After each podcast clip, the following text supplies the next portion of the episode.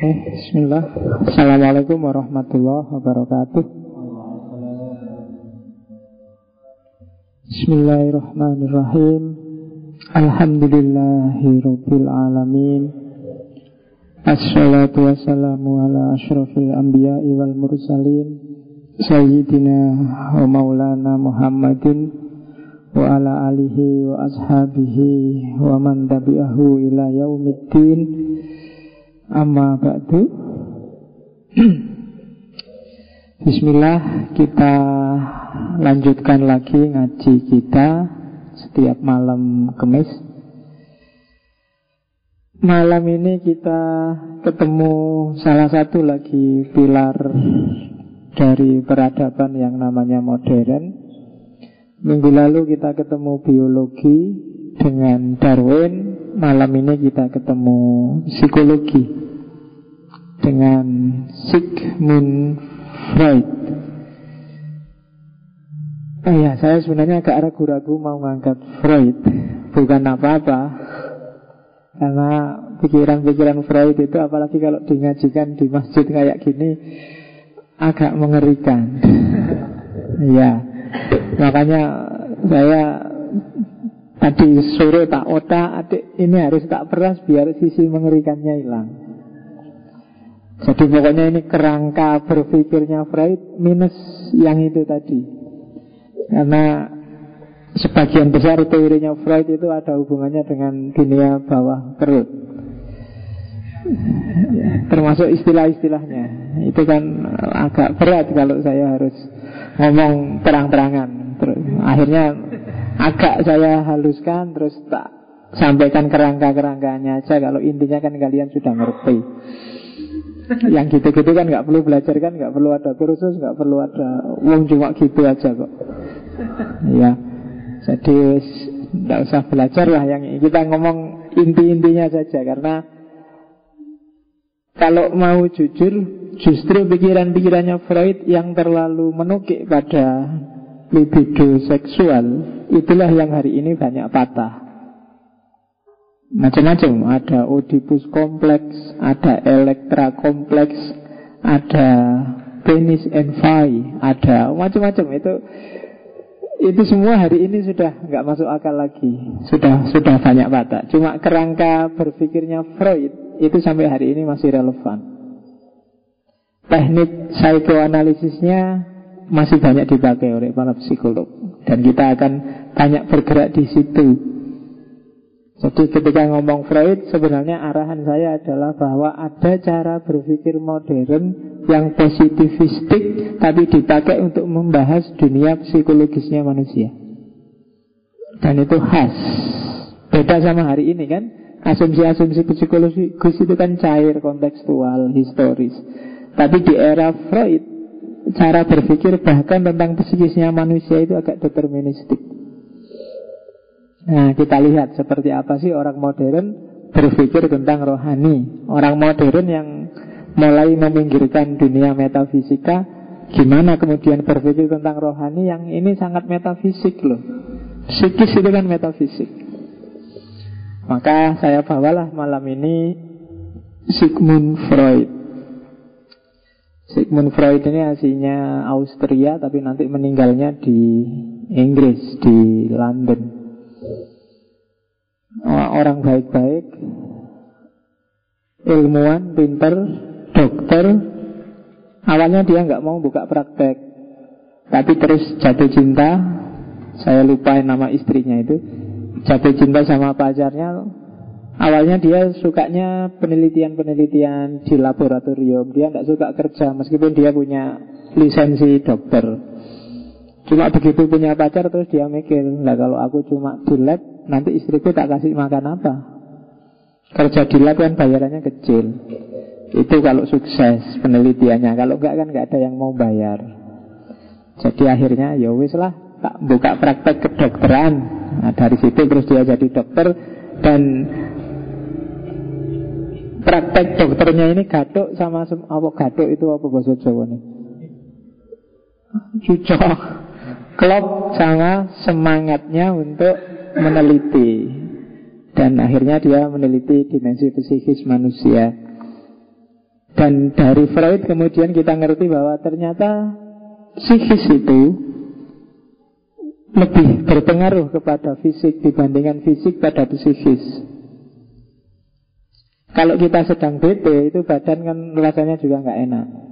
Tapi meskipun kita capek luar biasa, tapi kalau kita sedang seneng kan enjoy aja. Diajak jalan nggak apa-apa, yang ngajak jalan kan menyenangkan misalnya. Nah, beda jadi psikis lebih berpengaruh pada fisik dan sebaliknya tidak terlalu. Meskipun juga kadang-kadang kalau orang fisiknya nggak sehat, dalamnya juga nggak sehat. Tapi kalau di Freud kembali, justru psikis lebih mempengaruhi fisik. Jadi kalau ada peribahasa dalam jasmani yang sehat terdapat jiwa yang sehat itu kebalik. Kalau jiwanya sehat, jasminya akan ke bawah sehat. Nggak bisa dibalik. Orang yang nggak sehat secara mental itu kan banyak yang masih sehat. Orang gila di pinggir-pinggir jalan itu lebih sehat dari kalian kan? Mereka jalan-jalan di luar kehujanan, kena angin, malam-malam tidur di luar, nggak pernah kan masuk angin, nggak pernah. Mereka lebih sehat. Padahal itu jiwanya nggak sehat. Bukan peribahasanya kebalik.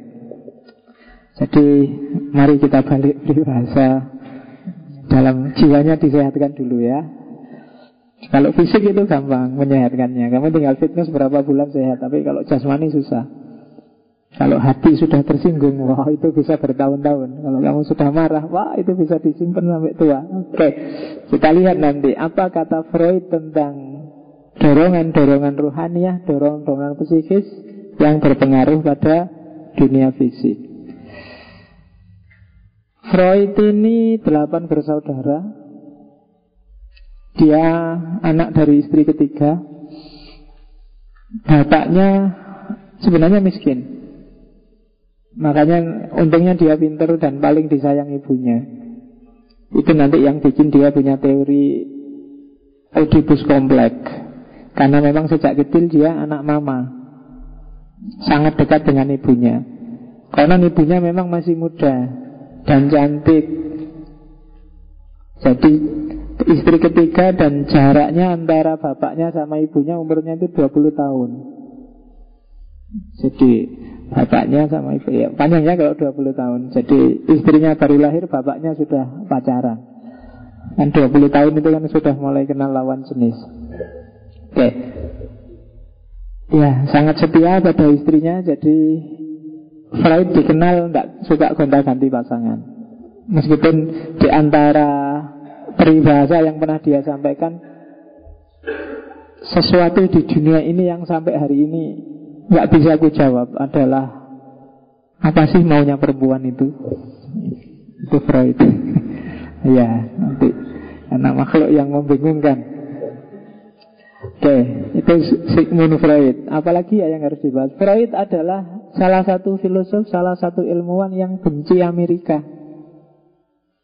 Nah, jadi kalau kalian yang nggak suka Amerika, boleh punya Freud. Meskipun Freud ini dibenci juga oleh kalangan agamawan, karena dia termasuk yang ateis Meskipun dia keturunan Yahudi Dan dia termasuk yang harus mengungsi ketika Nazi merajalela Saudara-saudaranya yang perempuan sepupunya empat itu terbunuh semua di kem pengangsingan Tapi Freud berhasil selamat dan istrinya dan anaknya Karena dia diselamatkan oleh saudaranya Napoleon Oke. Terus Kenapa dia nggak suka Amerika? Simpel sih sebabnya Karena Amerika terlalu banyak aturan kalau bagi Freud Waktu dia diundang ceramah itu nggak boleh gini, nggak boleh gitu. Dan yang paling bikin sebel Freud adalah Dia nggak boleh ngerokok sembarangan. Ya, itu bagi Freud sebel. Ah, Amerika ternyata nggak enak. Orang nggak boleh bebas ngerokok. Coba dulu dia ke Indonesia, wah dia seneng mesti sama Indonesia.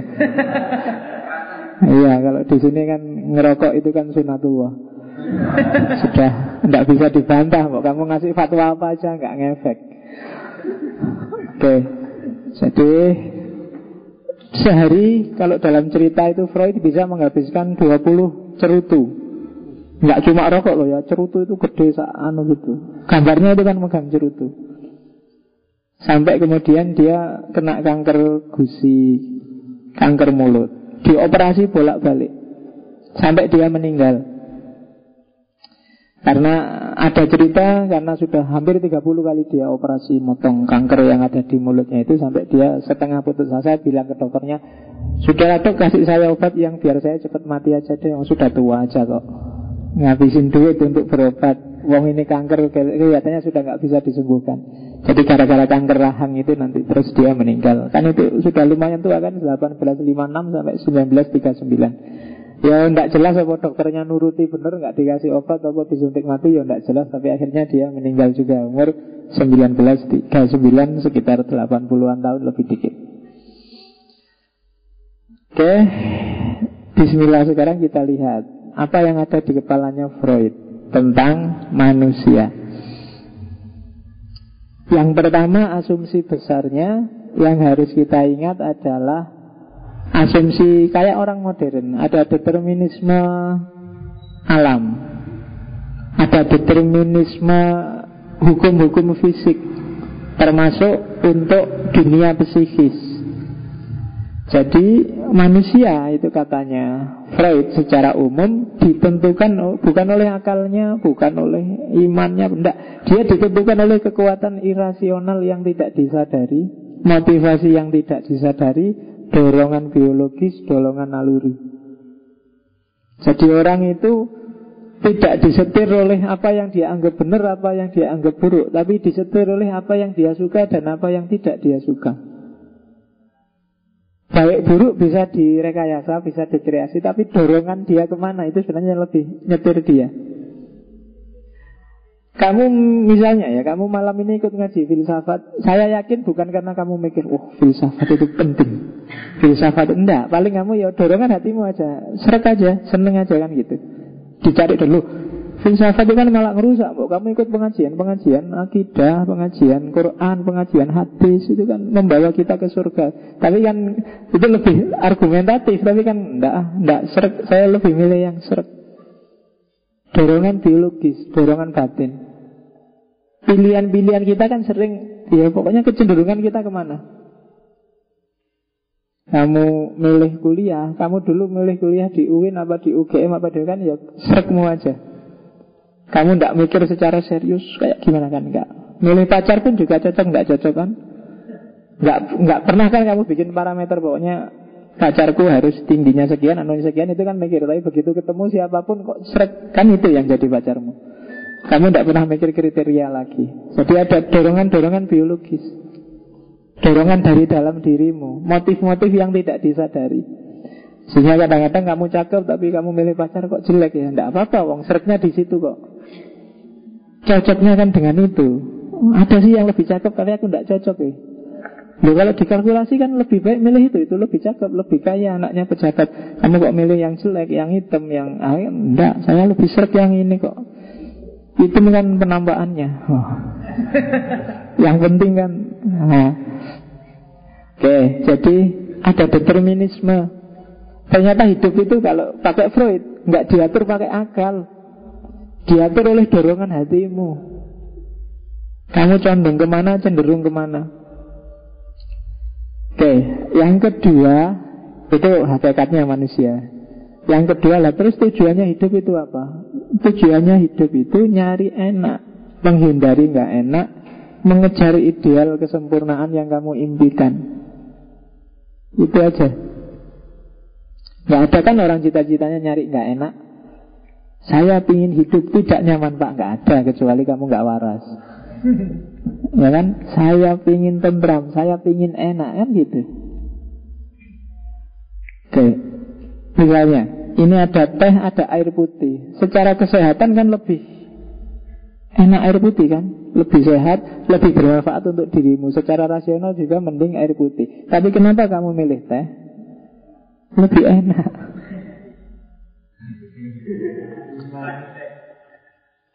Ya kan lebih enak Makanya Daripada cuma air putih biasa Ada manisnya, ada sepetnya Kan gitu Itu hidup, selalu kamu gitu Lebih yang mana yang bikin kamu enak Yang mana yang bikin kamu nyaman Yang mana yang memenuhi mimpi-mimpimu. Itu aja simpel. Bahwa nanti kalau ditanya orang kamu Enggak pak, saya hidup demi agama, nusa dan bangsa itu puisi itu kan. Tidak ada, setiap orang nyari enak. Ya kan kalau dulu kan gitu Mesti ada apa-apa. Semoga berguna nusa, bangsa, dan agama. Itu kan selalu begitu. Tidak sebenarnya orang cuma nyari enak buat dirinya sendiri. Dan menghindari yang nggak enak nggak enak. Oke, itu hakikat manusia. Kalau di Freud. Nah, sekarang strukturnya. Itu kan hakikatnya tadi rohaninya manusia, jiwanya manusia itu isinya apa sih? Isinya tiga hal. Ada unconsciousness, ada preconsciousness, dan ada consciousness. Ada hal-hal yang tidak kita sadari, ada hal-hal yang lepas dari kesadaran pre-consciousness meskipun dia bisa dikembalikan lagi ada hal-hal yang kita sadari. Unconscious di sini nggak sadar. Biasanya isinya insting kemudian naluri pengalaman-pengalaman masa lalu yang nggak enak. Itu sering nyetir kita tapi kita nggak sadar. Itu unconsciousness kalau ditanya konsiusnya apa sih? Consciousnessnya apa gak kita ngaji hari ini?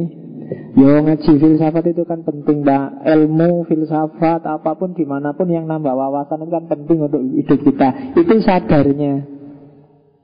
Unconsciousnya ya masing-masing kita yang ngerti. Mungkin karena ya daripada nganggur pak. Atau ah filsafat kan sedang tren pak. Ah sekarang rame-rame seneng ya pak. Ah, Macam-macam. Unconscious itu kalian sendiri yang tahu. Tersembunyi Ah enggak pak. Dari Pengen santai-santai aja pak. Ketawa-ketawa bareng-bareng enak. Itu unconsciousness Yang kalian nggak sadari. Dan ini sering lebih nyetir loh Unconsciousness itu Daripada consciousness Ada dua hal yang sama-sama-sama penting Mesti kamu milih Yang sesuai dorongan batinmu Yang kamu nggak sadari selama ini Kadang-kadang ada masjid di sini, ada masjid di sana. Kamu milih yang lebih jauh. Ada dorongan tidak sadar, ya tidak ngerti. Mungkin diam-diam mungkin ada jamaah sini yang kamu taksir misalnya. Tapi kalau ditanya, enggak, bukan itu. Saya itu kan milih yang jauh karena setiap langkah kan pahala. Itu kan sebenarnya. Padahal ada yang dilirik di sini itu unconsciousness. Atau mungkin karena masjid di sini loh kayak masjid di kampungku, tapi kamu nggak sadar di mananya, tapi seret aja di sini, karena hawanya kayak di kampungku. Nggak kayak di masjid yang sana. Kalau di sana jam segini sudah dikunci misalnya, itu nggak nggak sadar. Kamu unconscious, nggak sadar. Tapi jadi dorongan yang tidak ketara. Itu unconscious. Ada pre-consciousness, prasadar. Prasadar itu biasanya dulu kamu sadar, sekarang kamu cuekin sudah. Kalau ditampilkan sewaktu-waktu bisa. Mimpi, ngelamun. Kadang-kadang salah ucap. Ya kan? Salah ucap itu yo ada sih di pikiranmu, di kesadaranmu. Cuma selama ini kamu nggak ini kamu simpan jangan keluar. Ah tapi tiba-tiba dia bisa muncul. Itu biasanya ada di level pre-consciousness. Salah ucap mimpi itu kan pre-consciousness kamu pikir sejak pagi, lah, malamnya keluar sudah di mimpimu. Atau ngelamun, itu pre-consciousness. Kesadaran yang tertunda Karena selama ini mungkin kamu represi, kamu taruh, kamu simpan diam-diam. Jangan-jangan sih kamu seneng, tapi karena dia sudah punya pacar, terus rasa seneng ini kamu simpan. Jadi keluarnya kadang-kadang ya Salah ucap, salah ucap. Ngomong nggak sengaja. Atau seolah-olah iseng tapi sebenarnya iya. Nah itu pre-consciousness. Nanti kamu ngomong misalnya Sudahlah, mbok kamu yang rukun sama pacarmu misalnya. Itu janjane mbok cepet kamu putus Tapi ngomongnya keluarnya gitu. Kenapa? Diam-diam kamu simpen.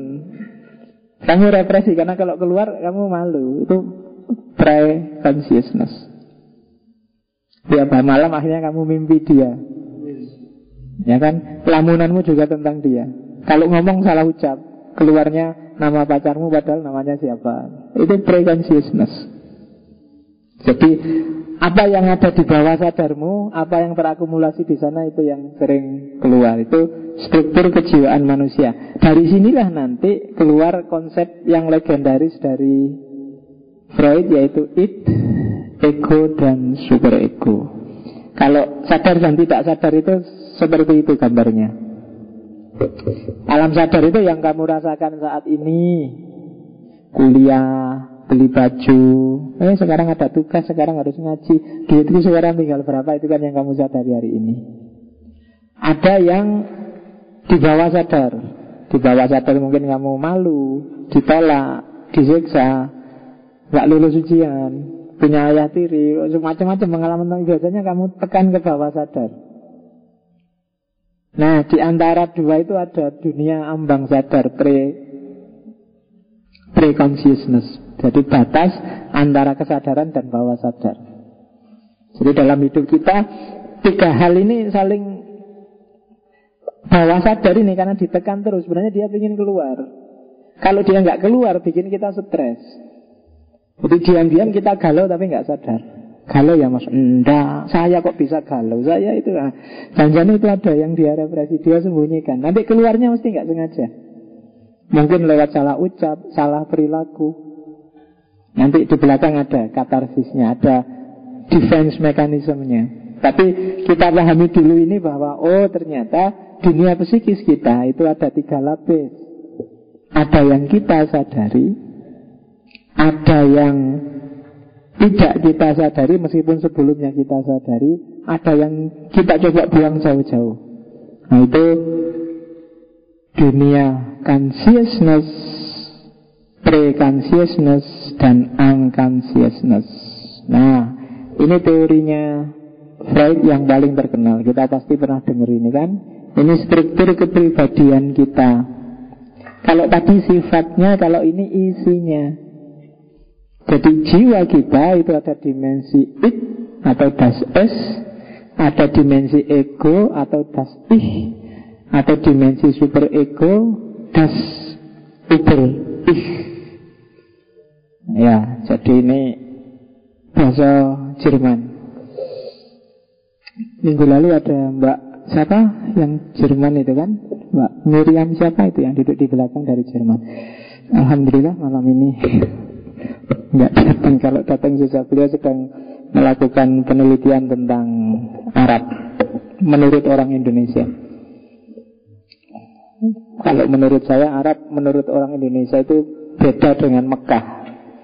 Kalau kita ngomong Mekah atau Madinah, orang Jawa khususnya, saya tidak tahu di luar Jawa, konotasinya pasti positif. Tapi kalau saya ngomong Arab, enggak. Kalau saya ngomong Arab itu secara umum orang bayangannya Arab itu ya kejam, aku, jenggoten, ngamuan, dan yang paling terkenal adalah anunya besar. Itu kan biasa yang diomongkan orang. Arab itu mesti kan gitu. Kalau Arab itu kecil, mesti kan gitu mesti. Ya, jadi itu kan ada beda. Jadi image tentang Arab itu beda antara yang Mekah Madinah dengan Arab yang biasa. Pokoknya kalau Arab atau kadang-kadang juga konotasi Arab itu politnya luar biasa Dasar Arab Nah itu biasanya ngomong Makanya kan kalau di sinetron-sinetron dagelan itu kan biasanya Arab itu jadi tokoh lucu-lucuan. Bangsa Newan Abud, bangsa itu kan mesti Arab. Iya, jadi yang yang ah, itu coba kamu teliti itu beda. Soalnya Miriam di Jerman kan dianggapnya karena Arab itu pusat Islam terus kita menghargai enggak justru Jawa hari ini itu sama Arab itu agak sinis. Itu mungkin agak pengaruh dulu di abad tengah kayak ini ada aspek itnya jadi aspek unconsciousnya bahwa Arab itu merampas hmm, budaya lokal kita sehingga kadang-kadang nggak sadar muncul ledean-ledean terhadap Arab. Itu contoh teori Freud yang bagus. Anekdot-anekdot tentang Arab kan juga banyak, luar biasa. Dan apa ya yang yang tak ingat dulu itu ada anekdot ada orang Arab mau ngelamar wanita Jawa. Nah wanita Jawa ini Oke deh aku dilamar tidak apa-apa Cuma syaratnya Kamu beri aku Maharnya adalah kain 5 meter ah sama orang Arab terus Oh ini membawa kain 5 meter susah nih Waktu mau ke rumah istrinya Sudahlah kainnya dijahit aja jadi celana Begitu dijahit jadi celana Di tengah jalan perutnya mulus. Wah ini perut mulus. Ah sudahlah di sungai aja. Celana yang dicopot dia buang hajat di sungai. Selesai buang hajat Karena kesusu Lupa dia celananya nggak dibawa. Yang 5 meter tadi. Begitu nyampe di rumah istrinya habis pesta habis anu istrinya tanya mas Ya, yang tak minta mana? Oh, yang 5 meter ini. Dibuka jubahnya nih. Iya. Jadi salah paham dia. Iya. Akhirnya kelihatan lah yang 5 meter itu. Oke, iya.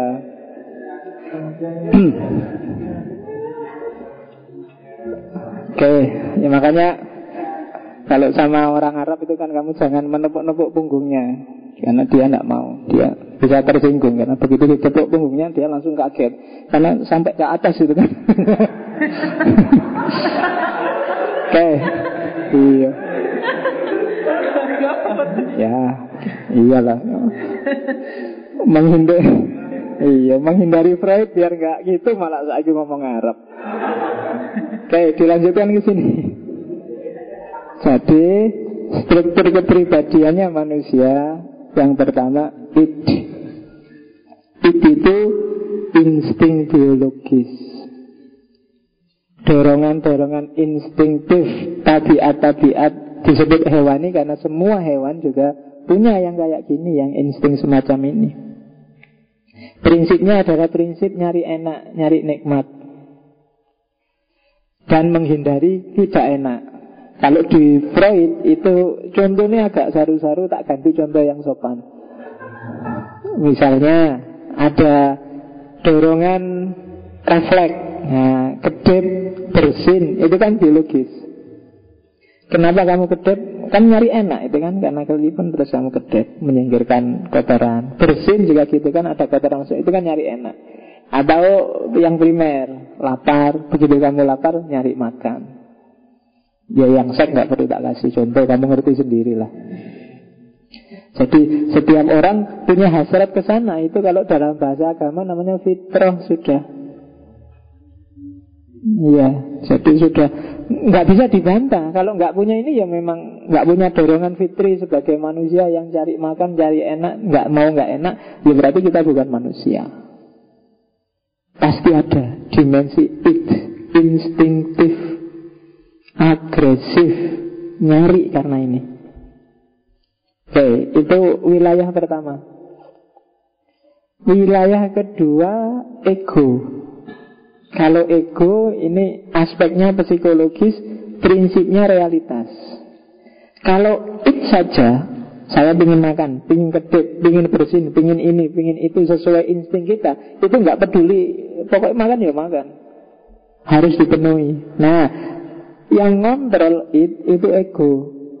Eh, makan ya makan, tapi jangan ngambil miliknya orang. Nah, itu ego yang bilang kayak gitu.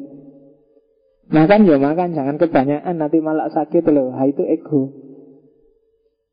Karena uang kita cuma sedikit ya belinya nasi kucing. Ya kalau uangnya banyak ya belinya ya nasi kucing juga kucing anggur kayak kemarin. Oke, okay. Jadi itu ego yang prinsip rasional, prinsip realistis itu ego. Ya realistis lah kita kan, nah itu biasanya ego yang bilang gitu. It bilang, ya kita punya hasrat, bu, segera kita nyari istri. Ya enggak lah, kamu umur berapa? Punya penghasilan enggak lah, istrimu dikasih apa? Yang bilang gini nih ego. Kalau menuruti it saja, Ya hasilnya kayak hari ini kan banyak yang terlambat bulan hubungi 081 dan seterusnya itu. Yang di pinggir-pinggir jalan itu kan banyak. Jadi Anda terlambat bulan hubungi 081 sekian-sekian. Itu kan ada banyak di pinggir jalan. Ya kalian kan sudah ngerti kan bukan bayar kos-kosan kan pasti itu. Saya telat ini bayar kos-kosannya, tak teleponnya sama ngerti diutangi itu bukan itu kan mesti. Itu urusan yang lain. Dan yang yang ngatur kayak gini nih ego. Hati-hati loh. Jangan sampai ngawur loh. Ya dilampiaskan, dilampiaskan. Fitrah sih fitrah, tapi kan ada timingnya. Ada waktunya, ada ruangnya yang harus pas. Kalau enggak nanti malah sengsara di belakang loh. Nah, itu yang kayak gini-gini ini ego. Kesadaran. Prinsipnya prinsip realitas. Realistis saja deh. Masa cita-cita kawin sama artis misalnya. Kan dunia kita dunia biasa-biasa kok bukan selebritis. Itu yang bilang kayak gini-gini ini ego. Oke itu it dorongan hasrat itu semuanya it. Kamu ambisius sekali ingin ngerti filsafat. Nah terus egomu bilang ah yo pingin filsafat sih filsafat. Cuma filsafat kan rumit nggak bisa lah langsung dia pelan-pelan. Nah itu ego yang bilang saya bertekad akan puasa terus biar segera jadi wali apa kiai. Nah egomu yang bilang, alah dapuranmu kan gitu. Itu ego yang bilang gitu. Ya, sholat lima waktu aja subuhnya jadi jam tujuh pengen jadi wali kan gitu. Yang bilang gini nih ego realistis gitu loh. Kamu kan kemerungsung enggak, pokoknya mau anda iso prek. Nah itu ego yang realistis yang ngomong gitu. Nah, jadi ada dorongan dari it, ada kontrol dari ego, tapi ada di atas itu. Namanya super ego. Super ego ini aspek sosial. Jadi ego itu sistem moral, norma budaya, nilai sosial, tata cara hidup, mana baik, mana buruk, mana pantas, mana nggak pantas, mana yang benar, mana yang salah di tengah masyarakat ini juga masuk dalam hidup kita. Kadang-kadang tidak pas juga. Kadang-kadang dia juga harus dikendalikan oleh ego. Ya kayak tadi itu kan norma itu kan. Orang soleh itu orang yang rajin ngaji, rajin sholat, apal Quran. Terus, ayo kamu jadi orang soleh enggak? Nah ego yang ngontrol. Iya sih soleh sih soleh, tapi sesuaikan dong dengan kemampuan. Nah ini ego yang pengontrolnya. Mahasiswa yang baik itu mahasiswa yang rajin kuliah, tapi juga aktivis, tapi juga ini kan berat kan tuntutan sosial itu. Nah ini saya ingin jadi yang baik kayak gitu pak. Tapi kan yang meluruskan, mengontrol, mengatur itu ego, kesadaranmu. Iya sih, gitu sih gitu, tapi kan yo nggak bisa segitunya. Nah itu ego yang bilang. Jadi hidup kita itu pertarungan antara tiga hal ini. Ego, yang harus jadi pengontrol it yang mendorong semua perbuatan dan super ego yang ingin memaksakan aturan dalam hidup kita. Dan ini bikin kita setiap, setiap hari ini perjuangan. It tidak terlampiaskan kita sumpah. Ego kita tidak bisa menjalani kita kan juga stres. Aduh aku ini kok tidak bisa jadi anak soleh. Aduh aku kok kuliah kok kacau gini aku berarti jadi anak yang mahasiswa yang nggak baik ini. Aduh, nah itu kan super ego bikin kita gelisah. Dan setiap hari dari hidup kita ini pertarungan tiga hal ini. It, ego, super ego. Dan hidup kita coraknya nanti seperti ini. Tergantung siapa supirnya. Kadang-kadang ego kalah, yang menang it. Maka tindakan kita perilaku kita sehari-hari agak primitif, impulsif, agresif. Primitif itu ya sakarpe, nyari enaknya sendiri, impulsif, hanya berdasarkan dorongan hati, dorongan insting, dan agresif. Ingin enak dewe itu kan agresif.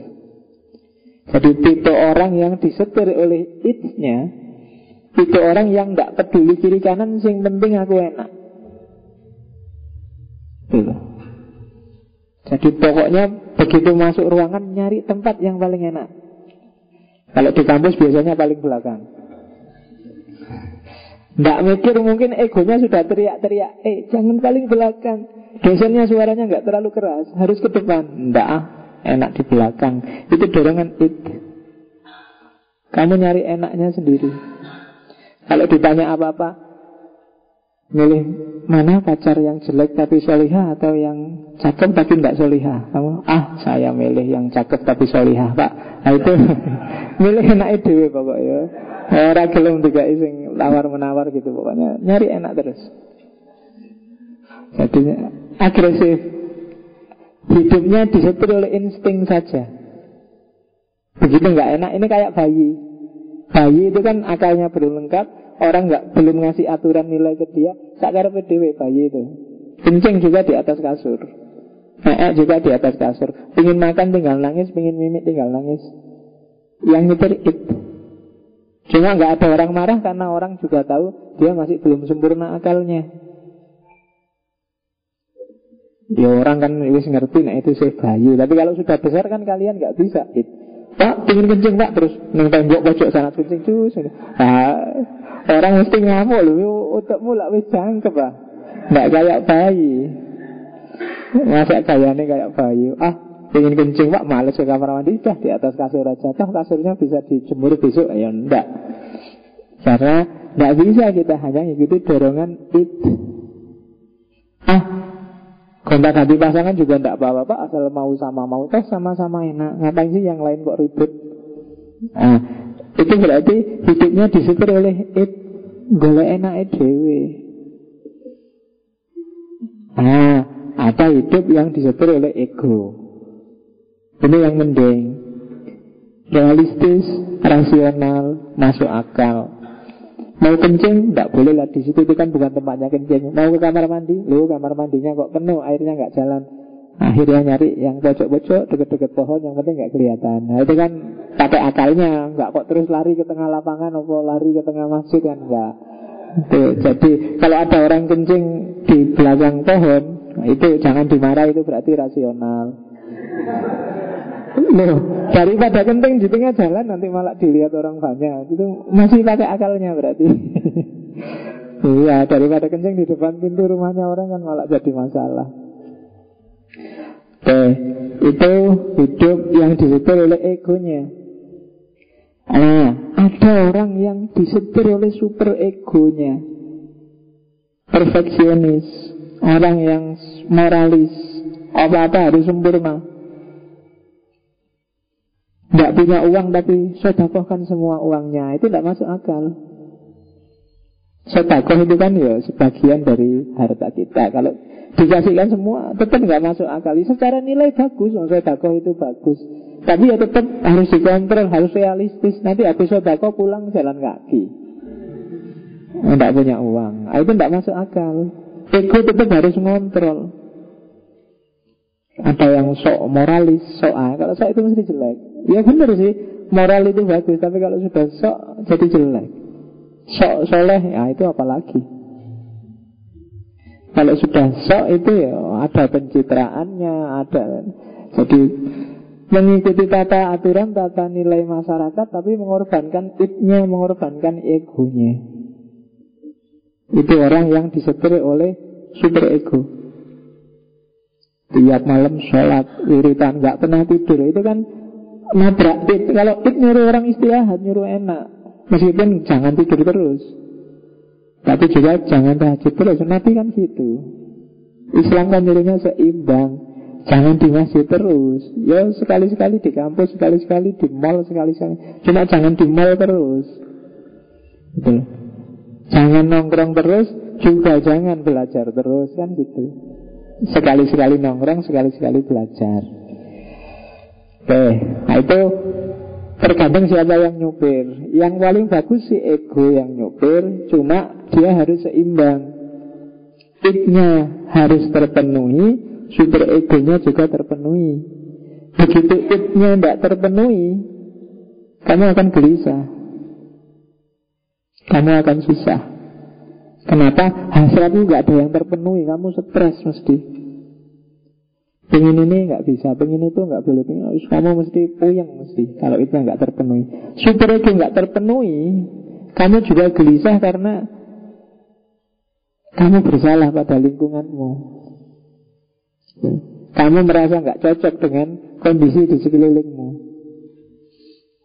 Oke, nah isinya it Hasrat insting itu ada dua Kalau di Freud Yang pertama eros Yang kedua thanatos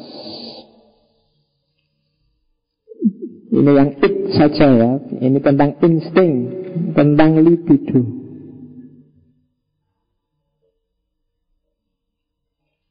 Jadi ada dua insting kita. Yang pertama adalah libido, insting reproduksi, insting yang konstruktif, yang positif. Insting untuk hidup dan bertahan hidup. Memenuhi fitrah itu tadi. Itu insting libido, eros. Kasih sayang, itu eros.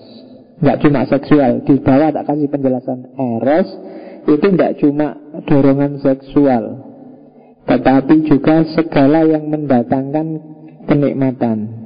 Itu eros, termasuk kasih sayangnya ibu, kasih sayangnya Tuhan, narsisme, cinta diri itu tidak apa-apa asal nggak berlebihan.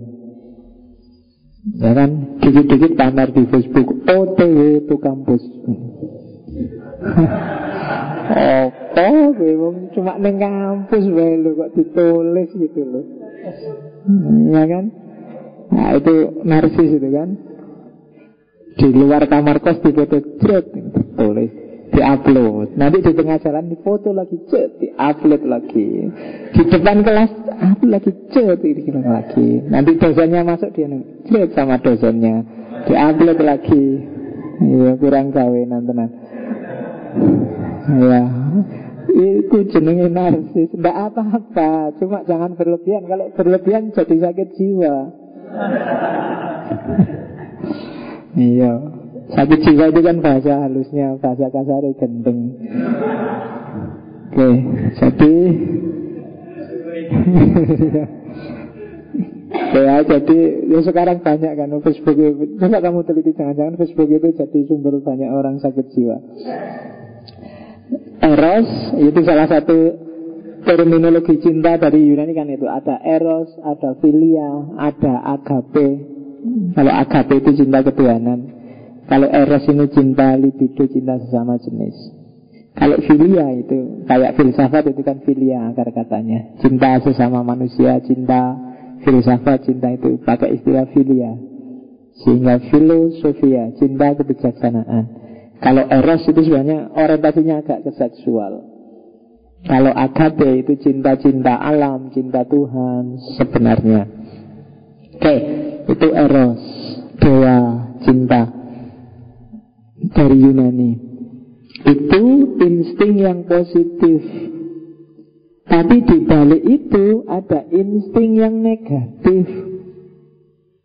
Namanya Thanatos insting destruktif, insting agresif. Kalau dalam bahasanya Freud ini insting kematian. Jadi dalam diri kita ada insting untuk merusak, ada insting untuk menyakiti orang, ada insting ada itu. Seneng lihat temennya susah itu ada. Kita punya sebenarnya potensi untuk kayak gitu. Namanya Thanatos. Thanatos ini dewa kematian. Kalau dari Yunani Ya banyak sih kalau kamu baca mitos-mitos Yunani dewa-dewa ini. Kalau kamu baca ceritanya Hercules Mungkin antara lain kamu akan ketemu Thanatos. Thanatos ini pernah anu, Pernah perang sama Hercules dan dia kalah. Karena Hercules belain temennya. Masa ini kayak Israel kalau dalam Islam? Temenku kok mau dicabut nyawanya Terus diajak gelut sama Hercules dan kalah Thanatosnya? Kalah terus dibelenggu sama Hercules Tidak bisa ngapa-ngapain Cuma terus karena Tanatosnya dibelenggu maka tidak ada orang mati terusan. Sing bingung dewa perang, dewa perang itu Ares. Ares ini bingung, ini bolak-balik ada perang kok tidak mati-mati orangnya. Susah dia, akhirnya nyari Thanatos dibebaskan baru ada orang mati. Kan susah kan perang bolak-balik Ada yang ditusuk, ada yang ini Orangnya tidak bisa mati Dewa mautnya sedang libur di penjara. Ah, iya. Susah kan kamu stres kok dewa perangnya. Itu gimana orang geletaan di sana sini tapi tidak ada yang mati satupun malah susah. Nah kecenderungan itu adalah insting insting kematian dalam diri kita ada. Itulah yang bikin ada perang, ada pembunuhan, ada kekejaman, ada penyiksaan. Kan kalian heran, kok bisa ya kayak gitu? Iya, di antara insting kita ada yang memang coraknya merusak. Kadang-kadang kan kita memang butuh merusak itu. Cuma porsi dan proporsinya harus pas. Kemarin misalnya Idul Adha waktu kurban Kalau kita nggak punya tanatos nggak tega kita nyembelih sapi sama nyembelih kambing. Iya kan? Mau nyembelih sapi. Astagfirullah ini makhluk hidup Ini kasihan kan gitu Tapi harus agak punya insting kejam dikit Anu dikit Ih disembelih malah cepat selesai Tapi kalau nggak punya ini yo Apa-apa dalam banyak hal kita nanti susah Mau jalan mikir jangan-jangan nanti ini nggak semut ya, jangan-jangan kasihan semut juga makhluk hidup. Berarti kamu bingung dewi nggak jelas. Harus ada insting agak sadis sedikit tanates. Eh banyak, misalnya dokter misalnya, yuk kadang-kadang harus tanatos bikin amputasi, bikin itu kan kejam kaki dipotong. Ya kalau nggak dipotong malah merusak yang lain. Kadang-kadang harus kejam. Nah itu insting tanatos. Tapi kalau keliru menakarnya, ya dunia jadi rusak. Makanya keliru, dunia juga jadi rusak. Itu yang bikin perang, pembunuhan, kekejaman, penyiksaan. Nah, itu jadinya rusak, jadi keliru.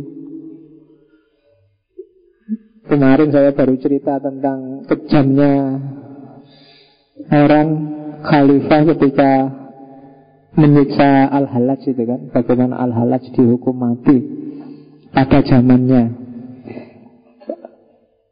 Pertama-tama dia dirajam bareng-bareng. Setelah dirajam Hari kedua dimutilasi Kakinya dipotong Terus tangannya dipotong Hari ketiga Dilanjutkan mutilasinya Matanya dicongkil Telinganya dipotong Hidungnya dipotong Sampai kehabisan darah megap-megap Hari selanjutnya baru kepalanya dipotong dan belum selesai sampai di situ. Terus abunya apa? Jasadnya yang tersisa dibakar. Baru terus abunya dibuang ke sungai. Itu kan sadisme ya manusia itu ya. Iya karena dia punya insting tanatos. Begitu nggak suka sama orang, ah, maka kamu jangan kaget kalau lihat tragedi-tragedi. Dulu ada tragedi misalnya kasus apa yang Ahmadiyah. Kamu lihat videonya, aduh kok bisa gitu manusia. Kamu lihat ada Poso, ada Sambet, ada Maluku, ada Heran kamu, kok bisa manusia kayak gitu? Jangan-jangan kamu juga bisa kayak gitu kalau egomu kalah sama yang sifatnya Thanatos. Nah, jadi harus dikenali benar loh dirimu itu karena man arofa nafsahu arofa rofahu. Kalau kamu kamu nggak kenal dirimu, kamu merasa benar terus padahal kamu sedang merusak ini. Hati-hati. Oke. Termasuk merokok. Kalau katanya, pun ada yang tanya pada Freud ini. Ini deh ahli rokok. Nah kalau merokok itu apa yang tidak merusak Freud? Jawabannya Freud, Kadang-kadang rokok ya cuma sekedar rokok, cuma gitu aja. Nggak usah dipikir dalam-dalam kalau rokok itu. Nah, gitu loh. Jawabannya Freud gitu. Nanti di belakang ada quote-nya. Jadi dalam nggak usah mikir dalam-dalam rokok ya rokok gitu aja. Ngapain sih dikait-kaitkan dengan kesehatan dengan itu? Ya rokok ya rokok. Oke, itu dua jenis insting. Jadi ini harus dikelola dengan baik biar tidak merusak. Oke, nah ini dia yang terkenal Perkembangan kepribadian Ini yang disebut positivistik Meramal kehidupannya manusia secara pasti Manusia itu dibagi dalam tiga tahap. Ada fase infantil, ada fase laten, ada fase genital. Kuncinya ada di fase infantil. Sehat atau tidaknya psikisnya manusia. Kalau di fase bayi, fase infan ini Tidak terpenuhi semua hasratnya Maka dia akan jadi masalah saat dia dewasa. Jadi umur 0 sampai umur 6 tahun. Itu kuncinya. Kalian yang tidak bahagia di umur-umur itu Biasanya semakin besar juga kalian hidupnya akan murung. Tidak akan bahagia. Susah senyum sudah. Ketika kebutuhannya tidak terpenuhi. Tinggal dilihat hari ini coba kalian mikir diri aku itu profil yang kayak gimana ya. Itu biasanya ada pengaruh dari kecil. Dan ini harus disembuhkan. Mungkin ada timbunan-timbunan pengalaman yang tidak mengenakkan, tidak ada. Nah itu harus di, diungkap, dibersihkan. Kalau enggak ya kalian murung terus. Infantil itu fase awal, fase oral. Fase oral itu kenikmatannya ada di mulut. Ya yang paling jelas kelihatan kan mimik Bayi pada ibunya Kalau mimik saja nggak puas Era oral ini nggak puas Itu ya sampai besar juga Akan ada dampaknya. Iya. Iya kamu nyari seseorang terus ya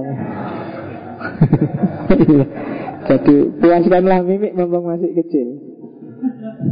Sekarang sudah telat kamu. Iya, jangan nyari mimik lagi kalau sekarang. Itu hanya untuk umur 0 sampai 1 tahun. Kalau di Freud ini dampaknya besar loh. Orang yang tidak puas di fase oral itu mungkin omongnya banyak, cerewet, suka tidak puas, mudah dibohongi, oh, jenis-jenis itu.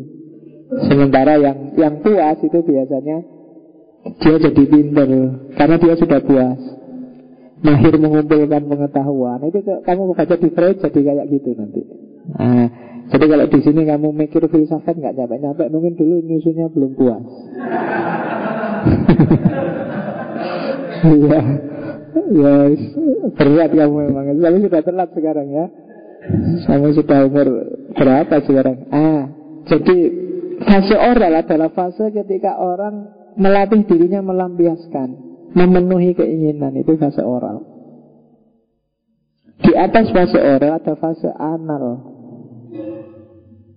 Itu kepuasannya nggak lagi di mulut tapi di anal. Kalian ngerti lah wilayah itu. Nggak perlu tak gambar. Jadi fase anal adalah fase ketika orang latihan menahan diri. Itu kan kalian latihan ke toilet waktu kecil itu kan latihan menahan diri. Sebelum itu kalian nggak mikir menahan, pengen pipis pipis saja, pengen ee ee ee aja, nggak pernah dipikir. Tapi di fase anal kalian mulai dilatih.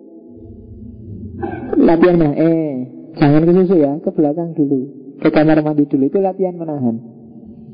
Orang yang tidak sukses di sini, oh, itu sampai besar dia susah menahan apa-apa. iya, jadi menahan kemarahan, menahan keinginan, menahan hasrat itu susah sudah. Kalau nggak sukses di umur satu atau sampai dua tahun ini. Nah, jadi latihan menahan. Ya. Kalau kalian merasa aku kok susah pak, begitu pingin apa, pokoknya harus dipenuhi saat itu juga. Kalau nggak saya stres pak. Nah, itu mungkin kalian umur satu sampai tiga tahunnya nggak sukses. Iya. Apalagi ada yang masih suka ngompol nggak? nah, kalau ada yang masih suka ngompol berarti kamu nggak sukses sampai hari ini. Itu saja masih belum bisa menahan apalagi yang lain. Jadi itu fase kedua. Fase ketiga itu fase balik dua tahun sampai enam tahun.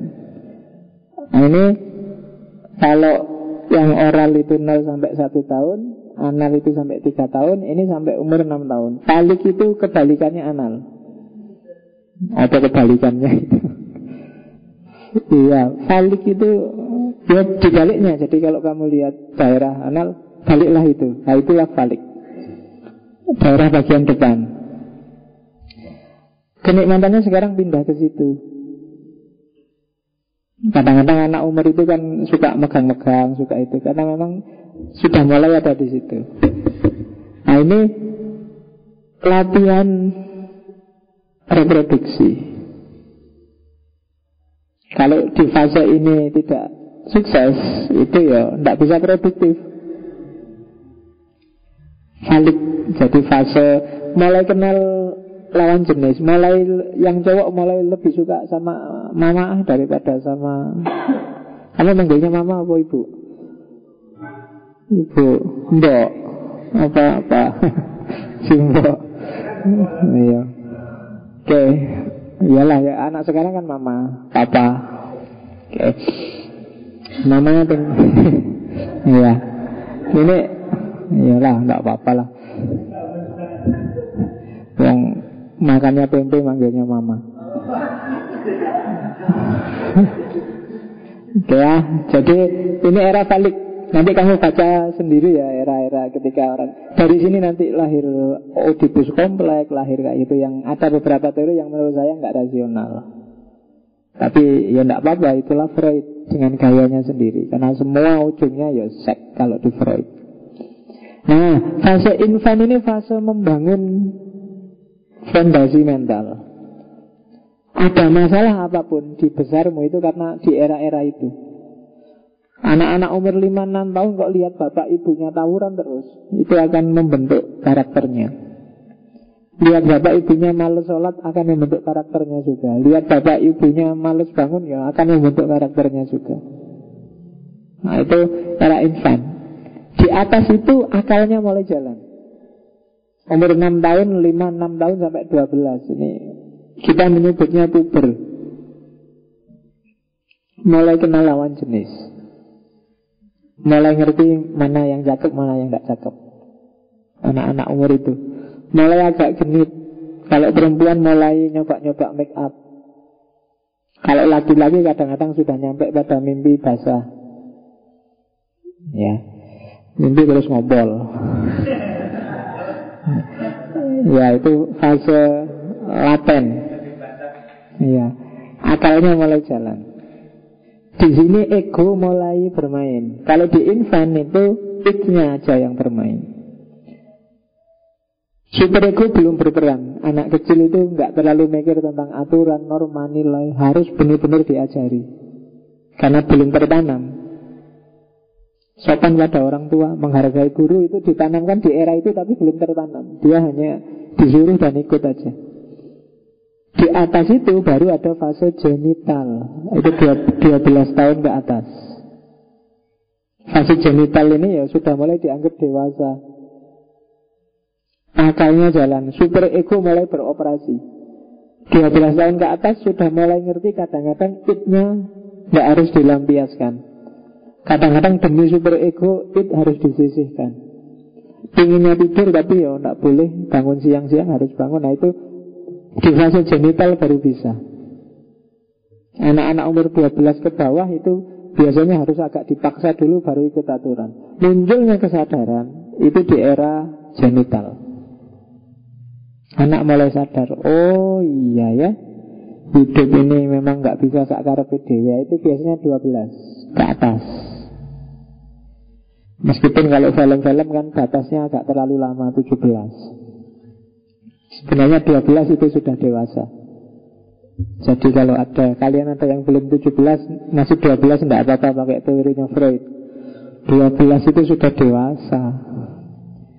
Kalau anak sekarang kan nggak nunggu 12 kan? Iya cah cilik-cilik itu wis.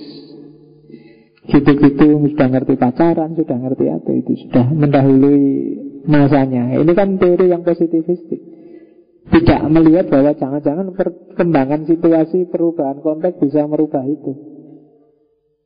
Ada kok anak yang sampai umur 12 juga masih telah-telah nggak ngerti apa-apa. Masih belum ngerti tanggung jawab. Masih belum ngerti hasrat seksual. Ya. Ada yang sampai mahasiswa juga masih belum ngerti. Lo ya kan, nggak maksudnya, lo kalau itu sih ngerti, maksudnya super ego. Ngerti tanggung jawab, ngerti nilai, ngerti pantas nggak pantas, baik buruk. Kalian kan masih sering belum ngerti itu. Kadang-kadang itnya masih menang. Pokoknya sabar dewe. Nyari enak, menghindari nggak enak. Ya, ndak apa-apa, wong manusia ada tipe-tipenya sendiri-sendiri. Jadi perkembangan kepribadian. Nah, sampai di titik ini kita sudah mulai ngerti seperti apa manusia isinya dalam pandangan Freud. Jadi dalam diri kita itu ada id, ada ego, ada super ego. Terus id, ego dan super ego itu ada yang kita sadari consciousness, ada yang pre-consciousness di ambang kesadaran, ada yang unconsciousness, tidak tampil sama sekali. Kita tidak tahu kalau nggak kita gali-gali sendiri. Kalau kita jalan biasa gini kita sudah lupa Ada timbunan informasi apa saja di dalam diri kita Itu unconsciousness Jadi itu konsep dasarnya sebelum nanti masuk ke psychoanalysis Oke, nah praktek hidup yang dialektis antara id, ego, dan super ego. Inilah nanti yang kadang-kadang jadi sumber masalah dalam hidup kita. Ada konflik, ada ketegangan-ketegangan Di situlah nanti lahir kecemasan-kecemasan dalam hidup kita. Konflik itu sebenarnya karakter kehidupan. Nggak ada orang hidup yang tanpa konflik. Kalau nggak ada konflik, kehidupan ini nggak akan berkembang. Kalau pakai teorinya Mat, konflik sosial yang bikin dinamika sosial. Kalau nggak ada konflik, hidup ini statis harus ada gegerannya dikit, harus ada konfliknya dikit, terus akan lahir sesuatu yang baru. Itu kan logika tesis, antitesis, dan sintesis.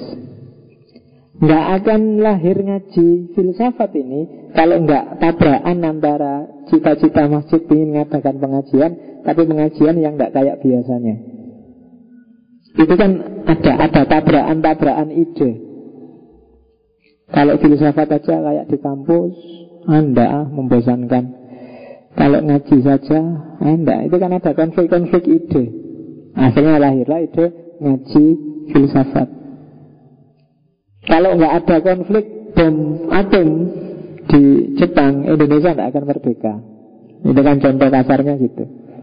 Kalau nggak ada konflik antara SBY dan Megawati Tidak akan ada apa Kan gitu Selalu sesuatu yang baru pasti didahului oleh konflik. Dalam diri kita juga begitu. Konflik itu main. Kalau nggak ada konflik, statis malah mudah punah. Akan selesai karena segala yang statis itu kan pasti terus hilangnya cepat. Jadi kalau kalian punya pacar, bikinlah konflik. Biar berkembang. Kalau statis nggak ada apa-apa, ya monoton lama-lama mesti bosan. Kalau nggak bikin bosan, ya bikin perkara lah dikit-dikit. Bikin kasus. Nah itu nanti hubungannya akan berkembang ke sesuatu yang baru pasti. Mungkin diputus, mungkin ganti yang lain.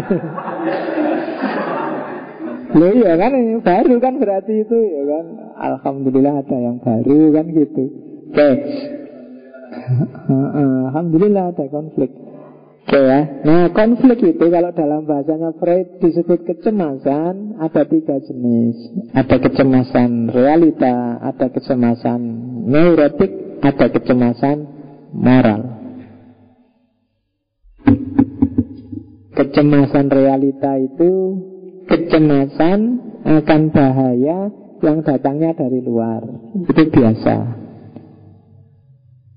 Saya takut pulang malam-malam, Pak. Kenapa? Takut masuk angin. Nah, itu kan takut karena faktor dari luar. Saya takut naik bis pak. Kenapa? Tidak kenal saya sama konduktornya. Ya mesti nah, Itu takut. Tidak apa-apa manusiawi. Takut dengan yang bahaya yang dari luar itu lebih mudah diatasi. Saya takut sama hantu pak. Kan mudah. Karena hantu sesuatu yang di luar dirimu Tinggal kamu menghindari tempat yang menurutmu berhantu kan beres. Saya takut pak. Ada nggak di sini yang takut dengan lawan jenisnya? Takut sama perempuan. Yang perempuan takut sama laki-laki ada ya? Itu solusinya gampang. Wong memang nggak ada perempuan yang mau deket sama kamu jadi aman. Ya kan? Takut dengan bahaya dari luar. Simple. Takut naik mobil ya nggak usah beli mobil. Takut naik motor nggak usah beli motor Sederhana Jadi jangan terlalu diambil pusing Ketakutan dari yang di luar dirimu Karena solusinya pasti sangat sederhana Yang susah Itu kecemasan jenis kedua kecemasan neurotik. Kecemasan neurotik itu hubungannya dengan id dan ego. Takut id dan egonya keluar jalur, tidak terpenuhi. Ini neurosis sudah. Karena takut besok anak cucu kita nggak makan, terus hari ini kamu serakah luar biasa, korupsi itu kan jadi masalah. Itu. Karena takut kamu jadi gendut, maka terus ya kamu makan sehari cuma satu kali, cuma porsinya tiga. Sama aja itu ya. Nah ini ketakutan-ketakutan yang sifatnya neurotik. Takut yang dasarnya id dan ego. Takut egomu tidak beres, kesadaranmu kacau. Takut hasratmu tidak terpenuhi, itu namanya neurosis. Jadi orang harus tidur, terus kamu ternyata nggak bisa tidur, itu neurosis. Jenis neurosis itu ya terjemahnya sakit jiwa. Karena ada kan orang yang takut aneh-aneh itu kan fobia-fobia itu kan neurosis semua kan. Ada yang takut ketinggian. Takut ketinggian itu kan problemnya tidak di ketinggiannya tapi dalam dirinya. Ada yang takut binatang melata. Ada yang takut di sini ada yang fobia enggak? Ya, ada yang fobia ular. Ada yang fobia ular, ulat yang kecil itu. Begitu lihat ulat, wah langsung jingkrak-jingkrak tidak karu-karuan. Ada yang fobia kegelapan. Begitu gelap, dia langsung pingsan. Iya, ada yang ya takut ruangan. Dia kadang-kadang masuk di ruangan sempit itu terus dia pening. Makanya kalau ke mall dia nggak pernah naik di lift. Ya, ya kalau kalian kan nggak pernah naik dulu karena itu mesti keliru. Iya. jadi keliru. Mau naik di nggak ngerti cara mejetnya, naik eskalator itu maju mundur, maju mundur. Kasihan orang yang di belakangnya. Mal itu tidak didesain untuk kita yang coraknya besok. Oke. Okay. Nah, semua fobia-fobia sakit jiwa, itu namanya neurosis. Itu biasanya kuncinya ada di id dan ego. Ada id-id tertentu, ada kebutuhan-kebutuhan biologis tertentu yang takut tidak terpenuhi atau memang sudah tidak terpenuhi. Sehingga egonya jadi rusak. Kalau tidak terpenuhi kan egonya sebenarnya nyuruh buat dipenuhi tapi tidak bisa. Egonya bilang, Allah sama ular aja takut tapi tidak bisa. Itu yang bikin orang terus sakit jiwa. Tidak tenang. Gelisah. Boleh Egonya bilang Sudahlah gendut juga tidak apa-apa Yang penting sehat. Ego yang bilang gitu. Tapi Idnya bilang tidak bisa Kalau aku tidak langsung pacarku marah-marah Mesti ini gak, nah, Ada bentrokan antara id sama ego. Itu yang bikin kita sakit jiwa. Hasratmu sih bilang ini sudah Waktunya kawin ini Tapi ya mau kawin dikasih makan apa katanya ego Kerjaan aja belum itu Skripsi nggak selesai-selesai. Loh kan egomu yang realistis bilang gitu. Itnya sih sudah ngebet Ingin segera. Itnya mencegah Oh itu kalau diterus-teruskan lama-lama kamu sakit jiwa. Ya kan? Ya nek bahasa sakit jiwa lembut itu kan bahasa kasarnya kan stres Stres itu kan karena ada keinginan yang direpresi. Takut deh. Iya bukan takut itu stres. Ya sekarang lebih dihaluskan lagi tidak pakai istilah stres tapi galau. Iya kan Dulu ada lagi penghalusan namanya BP. Ya, kan? Itu sebenarnya gejala-gejala neurosis. Permulaan kegilaan. Nah, hati-hati ya makanya. Santai aja Ego jangan Ego sama it Tidak usah dibentur-benturkan. Tidak usah dipikir terlalu dalam. Itu di antara solusinya. Nah Itu kecemasan jenis kedua. Ada kecemasan jenis ketiga Yaitu kecemasan moral. Kecemasan moral ini hubungannya dengan super ego. Di masyarakat sini anak soleh itu tiap hari harus ke masjid. Ternyata kamu tidak bisa ke masjid tiap hari. Itu kan kamu merasa bersalah. Iya ya berarti aku tidak anak soleh. Gimana ini nggak enak sama orang tua di kampung. Di sini kerjaanku cuma gitaran, ngobrol, nongkrong. Padahal bapak di rumah itu membayangkan Tiap hari aku sobonya masjid Sobonya perpustakaan Ternyata kenyataannya kok kayak gini ya Jadi nggak enak nih. Ah, itu kecemasan moral. Jadi egomu tabrakan dengan super ego sekarang. Pilih kabari Jogja. Wah baik pak di sana. Lo itu kok cuma dua? Lo dua itu sudah bagus pak Kalau perguruan tinggi ya bapakmu apa sih gitu. Nah itu bapakmu ya manut-manut baik Cuma Iya sakitnya di sini Iya. Jadi yang bapakmu manut-manut aja Dirimu sendiri yang galau akhirnya. Aku kok membohongi bapak? Ya apa? Ya boleh. Aku ini Orang tua sudah ya aku. Kecemasan moral itu sudah. Jadi Dalam hidup kita ada Kecemasan realitas. Kita takut dengan yang di luar diri kita. Ada kecemasan neurotik. Kita takut ada hasrat, ada dorongan dari diri kita yang tidak terpenuhi Ada kecemasan moral ada nilai sosial, ada norma sosial yang kita tabrak. Itu juga menimbulkan kecemasan moral. Kayak kalau ada anak minta-minta di pinggir jalan itu kan, biasanya kamu ngasih. Begitu nggak ngasih kan kamu jadi galau. Iya ya kok aku pelit gitu sih Paling dikasih 500 saja sudah seneng Seribu apalagi kok ngasih gitu aja aku enggak Itu kan kegelisahanmu sendiri kegalauanmu sendiri itu memang kecemasan moral. Itu kalau dilanjut-lanjutkan ya bisa jadi stres, bisa jadi neurotik. Itu pangkal permasalahan nanti ada di situ. Kecemasan. Ternyata nggak sesederhana ada it kita lampiaskan, ada super ego kita jalani yang kontrolkan ego. Ternyata nggak sesederhana itu. Dalam hidup kita sering-sering tabrakan antara it, ego, dan super ego. Nah, kalau tabrakan itu biasanya kalau katanya Freud muncul namanya defense mechanism. Jadi secara psikologis kita membela diri. Caranya membela diri ada sekitar 10 dalam catatan saya kalau dari bukunya Freud.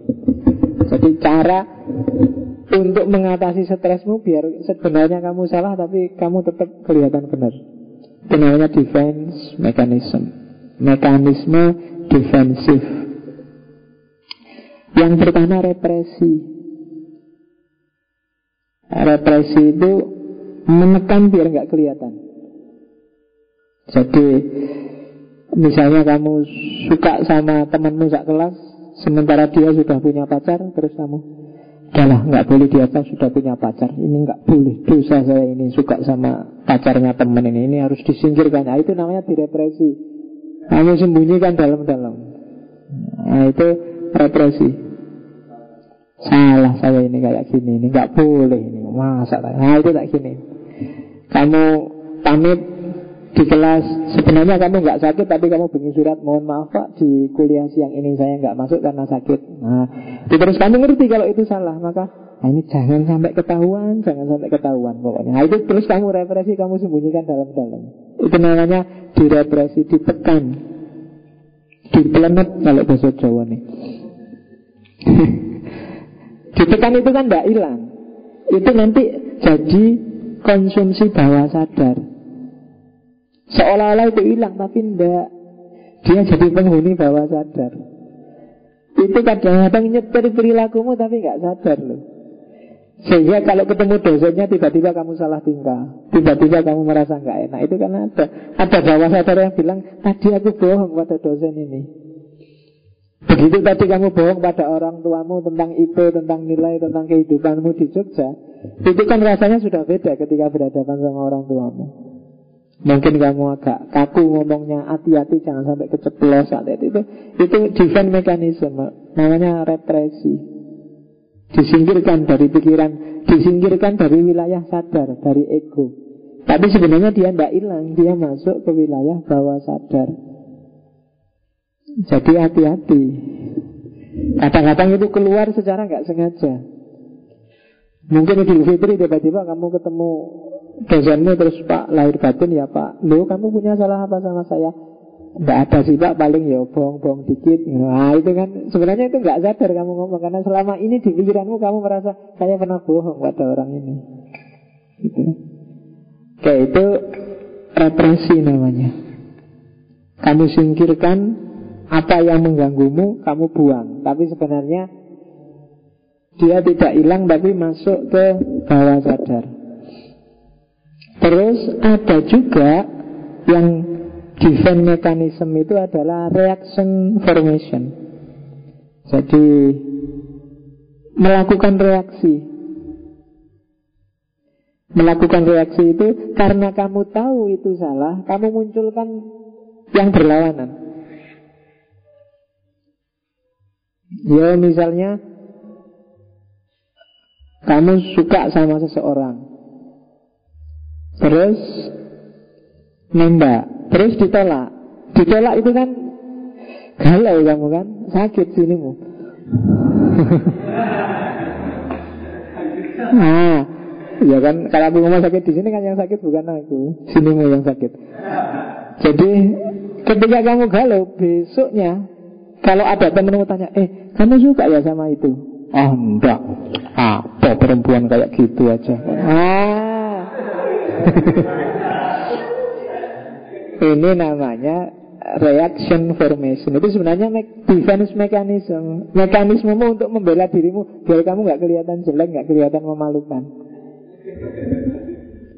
Begitu dapat nilai Eh, ah, kamu sedih ya? Ah, enggak Apa sih nilai itu? Enggak penting. Nah, itu namanya defense mechanism Nilai itu enggak menjamin masa depan lah Ngapain sih kita terlalu fokus pada nilai Karena nilainya jelek Ya, jadi itu reaction formation Jadi defense mechanism itu otomatis kamu menolak itu karena ya mungkin karena kamu takut dianggap malu, mencederai kehormatan, ya sebagainya gitulah. Jadi yang diomongkan yang sebaliknya. Gitu. Misalnya kamu dikasih minum orang bertamu.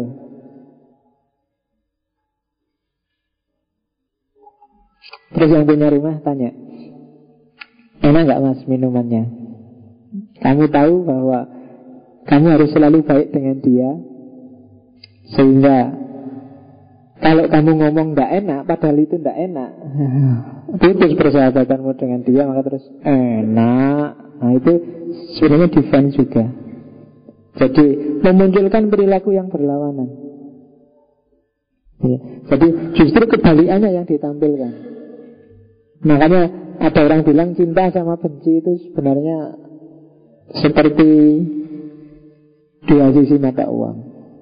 Karena kadang-kadang Orang yang menampilkan diri sangat benci dengan kita Itu sebenarnya yang paling suka dengan kita Kalau kamu punya tiga teman lawan jenis misalnya ya Yang satu ngobrolnya nyantai aja gak apa. Sementara yang satu kaku misalnya. Justru yang kaku itu biasanya yang sangat perhatian pada kita. Yang santai itu ya biasa aja santai keren CS Sementara yang ini perasaannya deg-degan tuh aslinya jadinya grogi berarti yang ada rasa itu ya. Seolah-olah cuek tapi sebenarnya perasaannya tidak karu-karuan itu. Nah, itu defense mechanism. Jadi nggak bisa santai lagi. Oke okay. Jadi reaction formation itu defense mechanism yang kedua defense, me defense mechanism yang ketiga adalah displacement Displacement itu mengarahkan dorongan pada objek yang lebih lemah Misalnya di kampus kamu dimarahi dosenmu karena dosen kamu nggak bisa bantah. Semangat ya, tapi muangkel kamu dimarahi. Begitu nyampe kos-kosan, gantian ah, temanku tak marah-marahin sekarang. Ah, itu melampiaskan pada yang kenapa sama teman kamu berani karena lebih lemah dibandingkan kalau melawan dosen.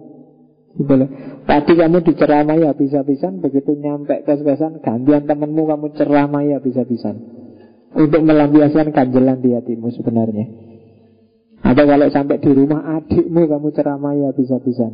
Kamu marah-marahi piye tuh dik bodoh ya. Padahal tadi sudah dibodoh-bodohin sama dosennya. Sekarang pulang dilampiaskan ke adiknya, ke temannya. Itu namanya displacement. Nyari pelampiasan yang lebih lemah. Habis dibohongi siapa kurang ajar aku kok dibohongi tapi balas nggak berani wong yang bohongi kamu lebih tinggi terus kamu balas ya yang lebih rendah. Itu namanya displacement. Karena nggak berani bantah, ya nyari sasaran yang lebih lemah. Yang keempat fiksasi. Kalau fiksasi itu milih zona nyaman. Itu defense mekanisme juga. Bok kamu kursus bahasa Inggris Besok biar bisa ke luar negeri Eh enggak usah lah pak Saya cukup kayak gini aja sudah bersyukur Nah itu fiksasi Kamu enggak mau berkembang Karena takut. Karena berubah itu kan menakutkan itu kan. Apa ya aku akan enak kayak gini kalau aku berubah. Kalau aku ganti posisi Kalau aku ganti porsi. Maka orang cenderung melakukan fiksasi. Diam di zona nyamannya selama ini. Gimana kalau ngaji filsafat ini kita pindah ke hotel? Tidak usah lah Pak, kayak gini sudah enak, tidak usah macam-macam lah Pak. Gini aja lah nyantai. Itu namanya nyari zona nyaman, fiksasi. Padahal kalau fiksasi, kalau nyari zona nyaman saja, mungkin lah, ngaji filsafat kayak gini nggak akan lahir. Kalian yang merasa tidak maju-maju, sebenarnya kuncinya satu, tinggalkan zona nyaman. Sudahlah Pak, kita syukuri aja apa yang ada. Dapat sekian ya. Iya enggak apa-apa, cuma disyukuri itu kalau bahasa jargonannya kan al mukhafadhu alal qadim wal akhdhu disyukuri itu al mukhafadhu alal qadim. Ya yang lama disyukuri, tapi kan tetap al akhdhu bil jadid. Ambil situasi baru, suasana baru. Kecuali untuk pacar loh ya. Kalau pacar jangan lah, masa saya pak Pacaran saya prinsipnya al muhafadhu al qadim wal akhdhu bil jadid. Ah, rusak itu. Nanti yang lama biarlah tetap seperti itu, tapi kalau ada yang baru ya saya ambil pak, yang lebih bagus. Tidak boleh. Iya, itu kan kayak lain sakartum la azidan akum itu kan. Kalau kalian bersyukur akan kami tambah, kecuali untuk istri. Jadi jangan pernah bersyukur punya istri. Karena begitu kamu bersyukur akan ditambah oleh Allah istrimu. Oke. Jadi fiksasi tinggal di zona nyaman. Oh, itu sebenarnya sudah banyak kalau motivator-motivator itu kan selalu mendorong kamu jangan puas dengan zona nyaman. Kamu tidak akan berkembang. Yang lain itu kecepatannya 100 km per jam. Sementara kalau zona nyaman kamu 0 km per jam. Sekarang sih kamu nyaman, besok kamu akan habis-habisan ketinggalan sama yang jalan cepat. Tapi memang ada orang yang fiksasi. Nyaman di zonanya sendiri. Ada yang tidak sekedar berhenti, ada yang mundur, regresi. Regresi itu kembali pada tahap perkembangan selanjutnya. Perkembangan sebelumnya kok selanjutnya. Habis diputus pacarmu terus?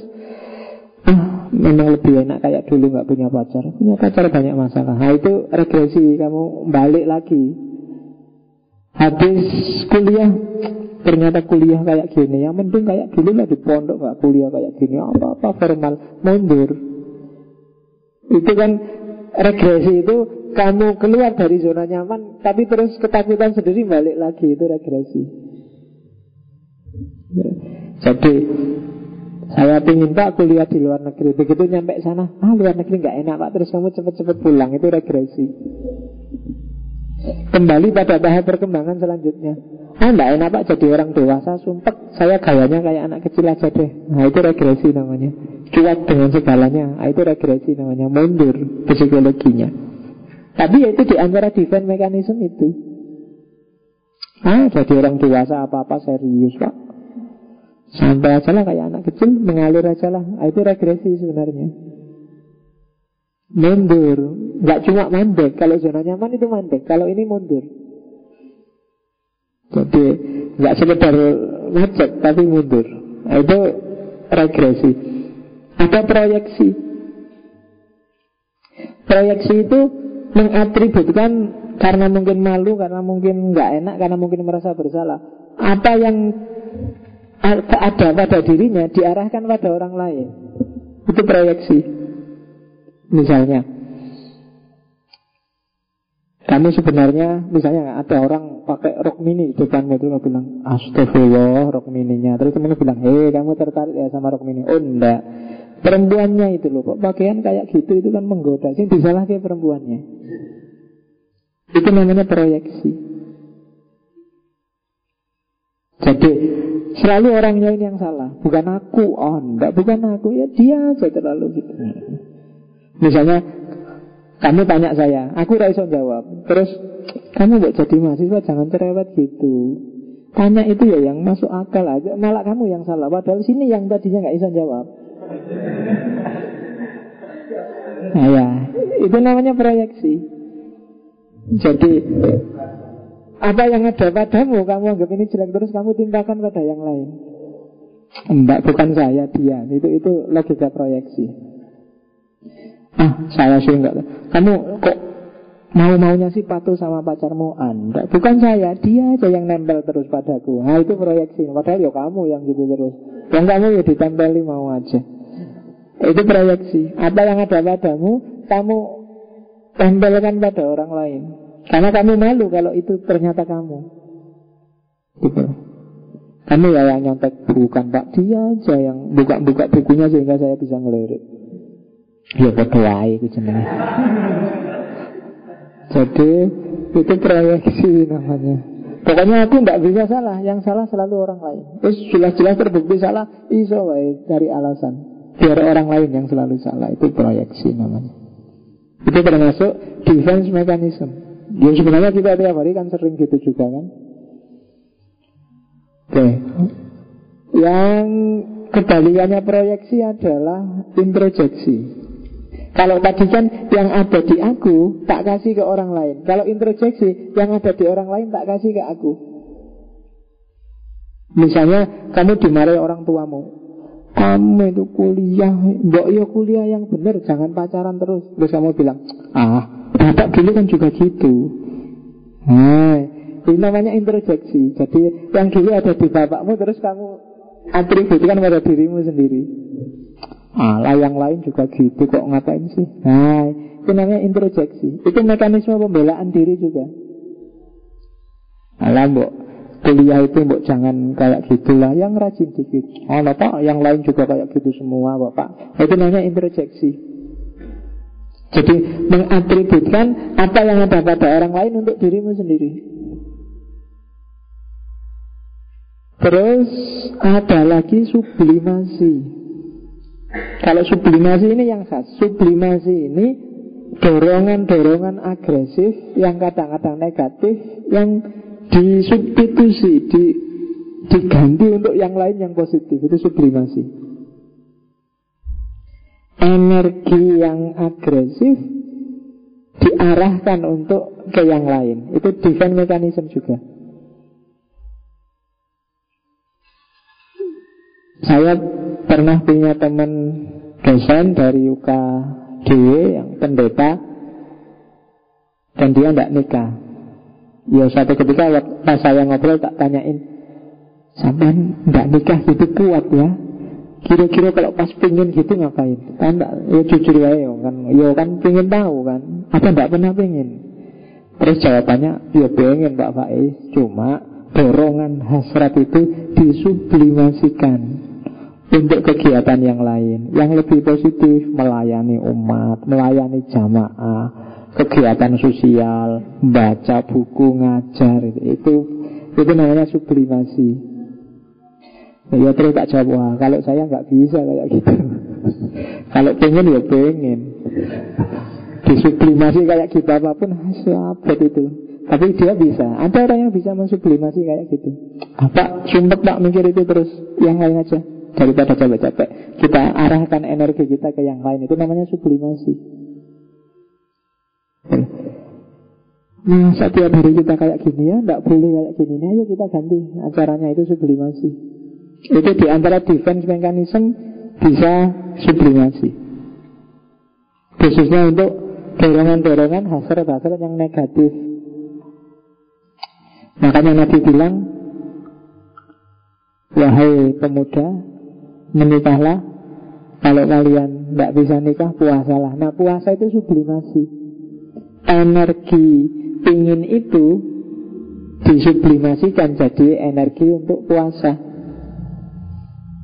Faman lam yastati fa'alaihi bisaum. Ya kan? Kalau zaman dulu saya guyonan Waman lam yastati fa'alaihi bisobin Siapa yang tidak mampu Maka mintalah tolong sabun Tidak apa-apa itu karena Dalilnya kan ada itu kan Amal yang paling disukai Allah kan Amalu rojulun biyadihi Jadi Lu kan dari itu Jadi amalnya seorang laki-laki dengan tangannya itu termasuk amal yang paling disukai oleh Allah.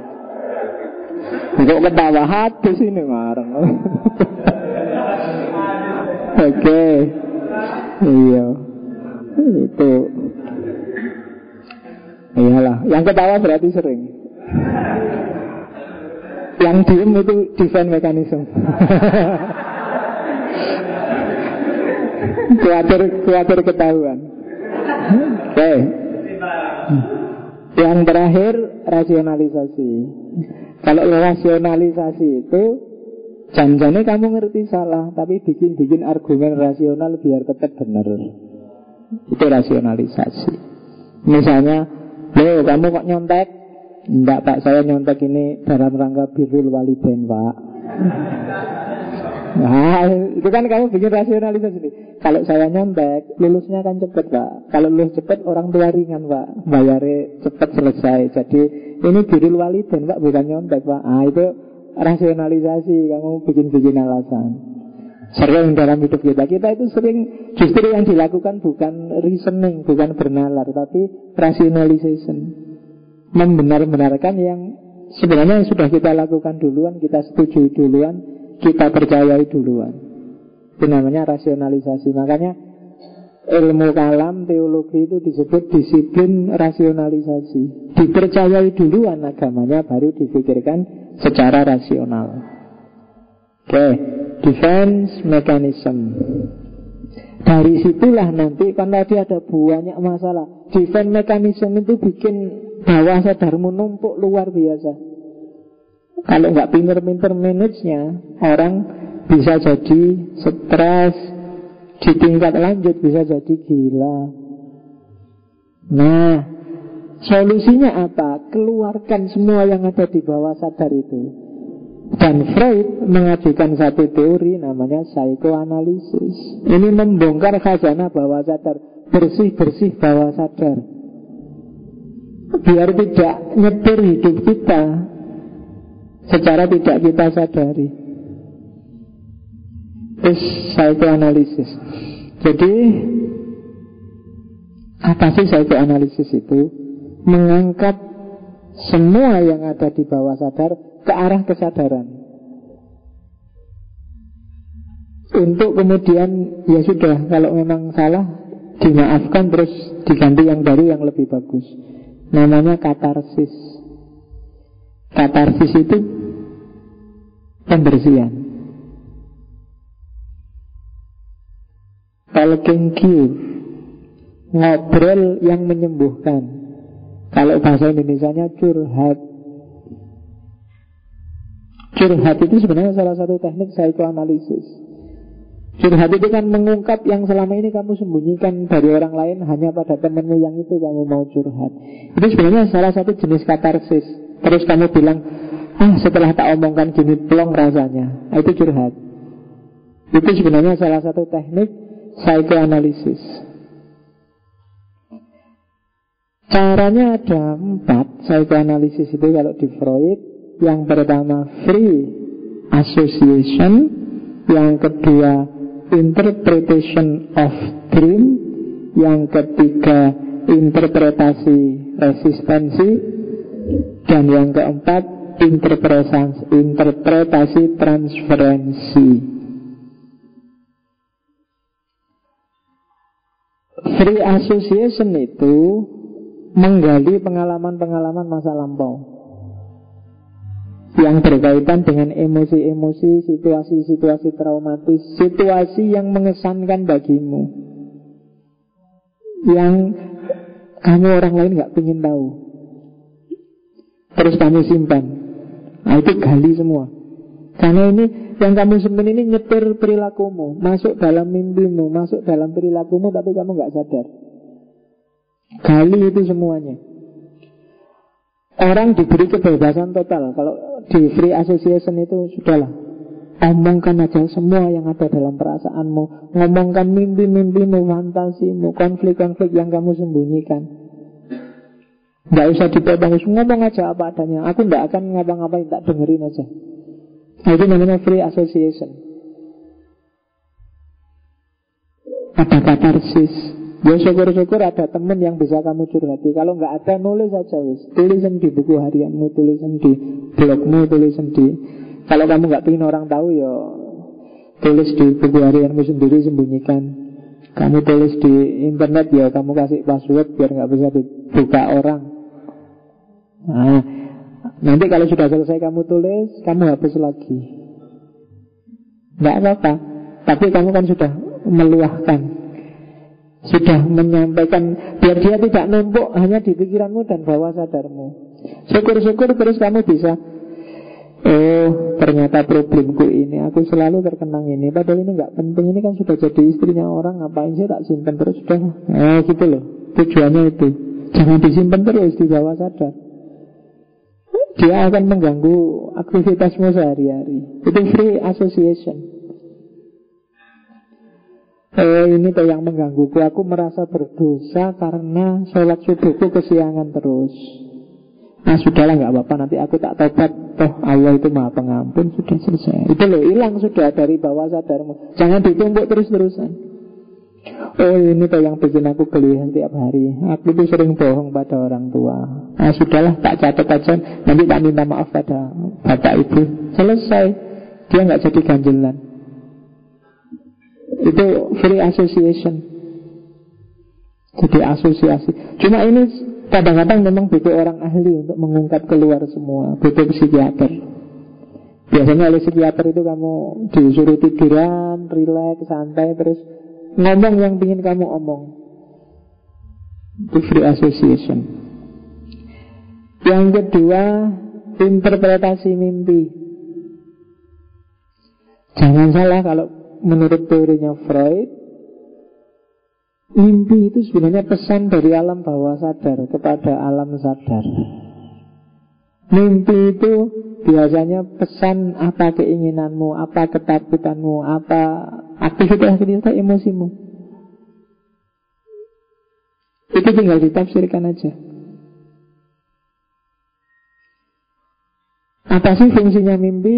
Wish fulfillment pemenuhan kebutuhan. Selama ini kan kamu nggak ngomong, saking kamu pikir tiap hari dia munculnya di mimpi. Kamu bayangkan dia tiap hari ya pasti dia muncul di mimpi. Itu wish fulfillment. Gunanya mimpi. Jadi bawah sadarmu itu karena saking penuhnya dia nggak bisa bilang memunculkan diri terus makanya dia terus munculnya lewat mimpi. Kalau di Freud itu dianalogikan kayak Misalnya ya di kelas ada mahasiswa Ada satu orang mahasiswa ini yang ganggu kelas terus Akhirnya olehmu ini karena ganggu keluarkan aja dari kelas Nah terus kunci pintunya Karena yang ganggu ini anaknya nakal Tiap hari dia ingin masuk Dedok pintu terus Pintunya ayo aku ingin masuk Akhirnya apa? Konsentrasimu dibandingkan terhadap anak sak kelas kan lebih kamu konsentrasi anak yang di luar yang ngetuk-ngetuk pintu terus itu. Dan itu yang terjadi dengan bawah sadar Yang di kelas itu kan yang ada di atas sadar Yang kamu keluarkan Kamu represi ke bawah sadar Itu kayak mahasiswa di luar yang ingin masuk terus-terus ngetuk-ngetuk pintu. Jadinya kamu apa? Energimu terkonsentrasi untuk Jangan sampai ini keluar. Sehingga Kadang-kadang tiba-tiba dia keluar. Kalau lewat mimpi atau kalau di Freud ada lagi salurannya namanya slip of tongue, keceplosan, keceplosan ngomong. Misalnya tiap hari kamu pikir tentang gendutnya temenmu misalnya, tapi kamu nggak berani ngomong temanku tuh gendut banget. Eh kadang-kadang kamu ngomong nyeplos tentang gendutnya dia, itu slip of tongue. Oke, dan kadang-kadang keluarnya juga lewat mimpi. Isinya mimpi itu terbagi dua, ada isi manifest, ada isi laten. Isi manifest itu gambarnya, isi laten itu yang diwakili oleh gambar itu. Di bukunya Freud itu ada contoh misalnya Tiba-tiba ada seorang anak muda yang mimpi ngasih balon, eh dikasih balon dua oleh sepupunya yang perempuan. Dan itu tafsirannya ternyata si anak muda ini sebenarnya diam-diam naksir sama sepupunya. Cuma direpresi karena masak sama sepupunya sendiri. Dan yang dibayangkan tiap hari karena sepupunya itu besar kayak balon. Jadi mimpinya dikasih balon gambarnya Nah itu itu simbolismenya. Karena tiap hari mikir itu akhirnya mimpilah dia dikasih balon. Nah, itu cerita tentang pemuda yang dikasih balon. Oke, cerita ya. Tadi siang saya ada teman yang saya dibohongi karena tak Faiz ini tak ceritain ada cerita yang sangat menyentuh. Suatu hari ada seorang anak muda lihat kucing. Kucing itu disentuh, dilus-lus, terus dia pergi lagi. Tapi kok bagus kembali lagi, disentuh lagi, kembali lagi. Ini menyentuh lagi, disentuh lagi. Sampai 25 kali loh Pak Faiz. Nah terus menyentuhnya di mana? Nah itu tadi loh cerita menyentuh. Jadi anak muda menyentuh kucing. Aku sudah nunggu bagian menyentuhnya di mana ternyata ya itu cerita tentang menyentuh anak muda, menyentuh kucing itu dok. Oke, ayo ini sudah pegang-pegang menunggu bagian menyentuhnya ternyata ya cuma itu aja menyentuhnya. Oke, ya betul itu aku. Oke, jadi itu isi manifest dan isi laten. Isi manifest itu gambarnya, isi laten itu isinya. Oleh karena itu perlu interpretasi mimpi, tafsir mimpi, dreamwork. Nah, dreamwork itu isinya ini. Cuma ini panjang jadi saya nggak akan jelasin satu-satu psikolog yang bisa. Saya tidak perlu kemenyek menceritakan satu-satu dreamwork itu apa. Ya, ada figurasi, mimpi difigurkan dalam bentuk gambar, simbol-simbol gambar. Jadi Gambarnya apa, mewakili makna apa, itu figurasi. Ada kondensasi. Kadang-kadang mimpi itu nyambung. Untuk memahami bawah sadarmu, mimpi kemarin digabung sama mimpi hari ini. Itu, oh berarti memang yang ada di pikiranku tentang itu. Itu namanya kondensasi. Ada substitusi, kebalikannya. Kalau mimpi enak, berarti besok mau nggak enak. Nah, itu substitusi. Kadang-kadang ditafsirkannya begitu. Ada juga simbolisasi Dihubungkan secara analogis Kayak tadi lo balon mewakili itu Mungkin terong mewakili apa? Yang mewakili apa? Itu namanya simbolisasi. Iya. Kamu kok sensitif ada orang ngomong terong? Oke, ya itu caranya begitu. Tinggal kamu pinter-pinter lah Mungkin kalau orang lain yang bisa psikiater tapi kalian sendiri untuk diri kalian sendiri mungkin bisa. Apa sih sebenarnya yang ada di bawah sadarku itu? Kok mimpiku ini ini ya? Oh karena aku tiap hari membayangkan ini, tiap hari melamunkan ini ya. Itu mungkin bisa kalau kalian sendiri Menjelajahi dreamwork kalian sendiri Oke, kalau interpretasi resistensi ini kalau tadi kan apa yang kalian ungkapkan, ungkapkanlah. Tapi kadang-kadang ada yang tetap kalian nggak ingin jangan pak itu jangan diungkit lagi, malu. Justru itu yang harus diinterpretasi apa ya yang bikin malu itu? Itu namanya interpretasi resistensi. Sudahlah jangan dibilang lagi saya nggak enak. Sudahlah itu. Itu namanya resistenmu, resistensimu. Interpretasikan itu. Apa ya yang bikin kamu nggak ingin menceritakan lagi itu? Itu namanya interpretasi resistensi. Dan terakhir interpretasi, interpretasi transferensi. Interpretasi transferensi itu ya mentransfer apa yang kamu rasakan pada orang lain. Biasanya ya pada kanselornya. Teknik untuk menyembuhkan adalah antara lain itu kamu transfer aja. Biasanya psikologinya sudah tak dengerin apa yang kamu bilang. Nah, itu kan kayak membagi beban. Itu namanya interpretasi transferensi. Sudahlah, berikan bebanmu padaku. Kasih aku. Apa yang kamu inginkan? Apa yang mengganjil di pikiranmu? Jangan sampai dia ganjil terus. Nah, itu interpretasi transferensi. Transfer aja. Kalau punya teman curhat kan enak. Jangan cuma dipendam, karena kalau dipendam dia akan membahayakan psikismu. Karena energi untuk nahan itu besarnya dua kali lipat dibanding energi untuk melampiaskan. Menahan marah dengan melampiaskan marah itu jaraknya dua kali lipat. Mungkin kalau menahan marah butuh 100, melampiaskan cuma butuh 50 energi. Dengan menahan ketawa dengan melampiaskan ketawa kan juga gitu. Tinggal ketawa ha enak. Tapi menahan ketawa itu kan kamu bisa goyang-goyang bisa ya kan lebih berat. Makanya kalau kamu suka atau nggak suka pada orang daripada dipendam bilang aja itu kalau pakai teorinya Fik. Kalau suka pada orang tembak aja, ditolak nggak apa-apa. Sebenarnya kan sudah dilampiaskan. Ditolak ya kan bisa cari lagi. Tapi kalau dipendam itu lebih berbahaya, lebih merusakmu secara psikis karena energinya besar. Kalau kamu diem aja, diem-diem, keinginanmu nggak kamu lampiaskan, tiap hari kamu akan kehabisan energi untuk nyimpen ini, jangan sampai ini keluar. Nah, lampiaskan aja demi kesehatan mentalmu. Gitu loh. Iya. Nggak suka sama dosen, bilang aja, Pak, saya nggak suka sama bapak. Terus bijinya lah susu.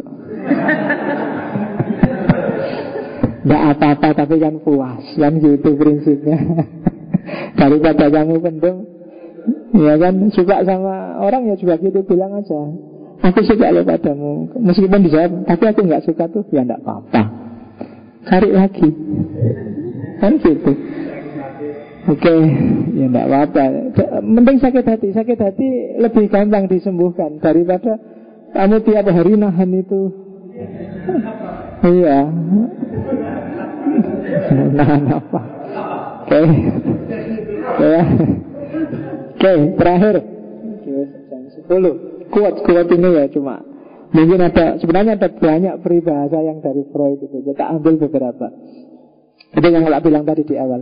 The great question that has never been answered and which I have not yet been able to answer despite my 30 years of research into the feminine soul is What does a woman want?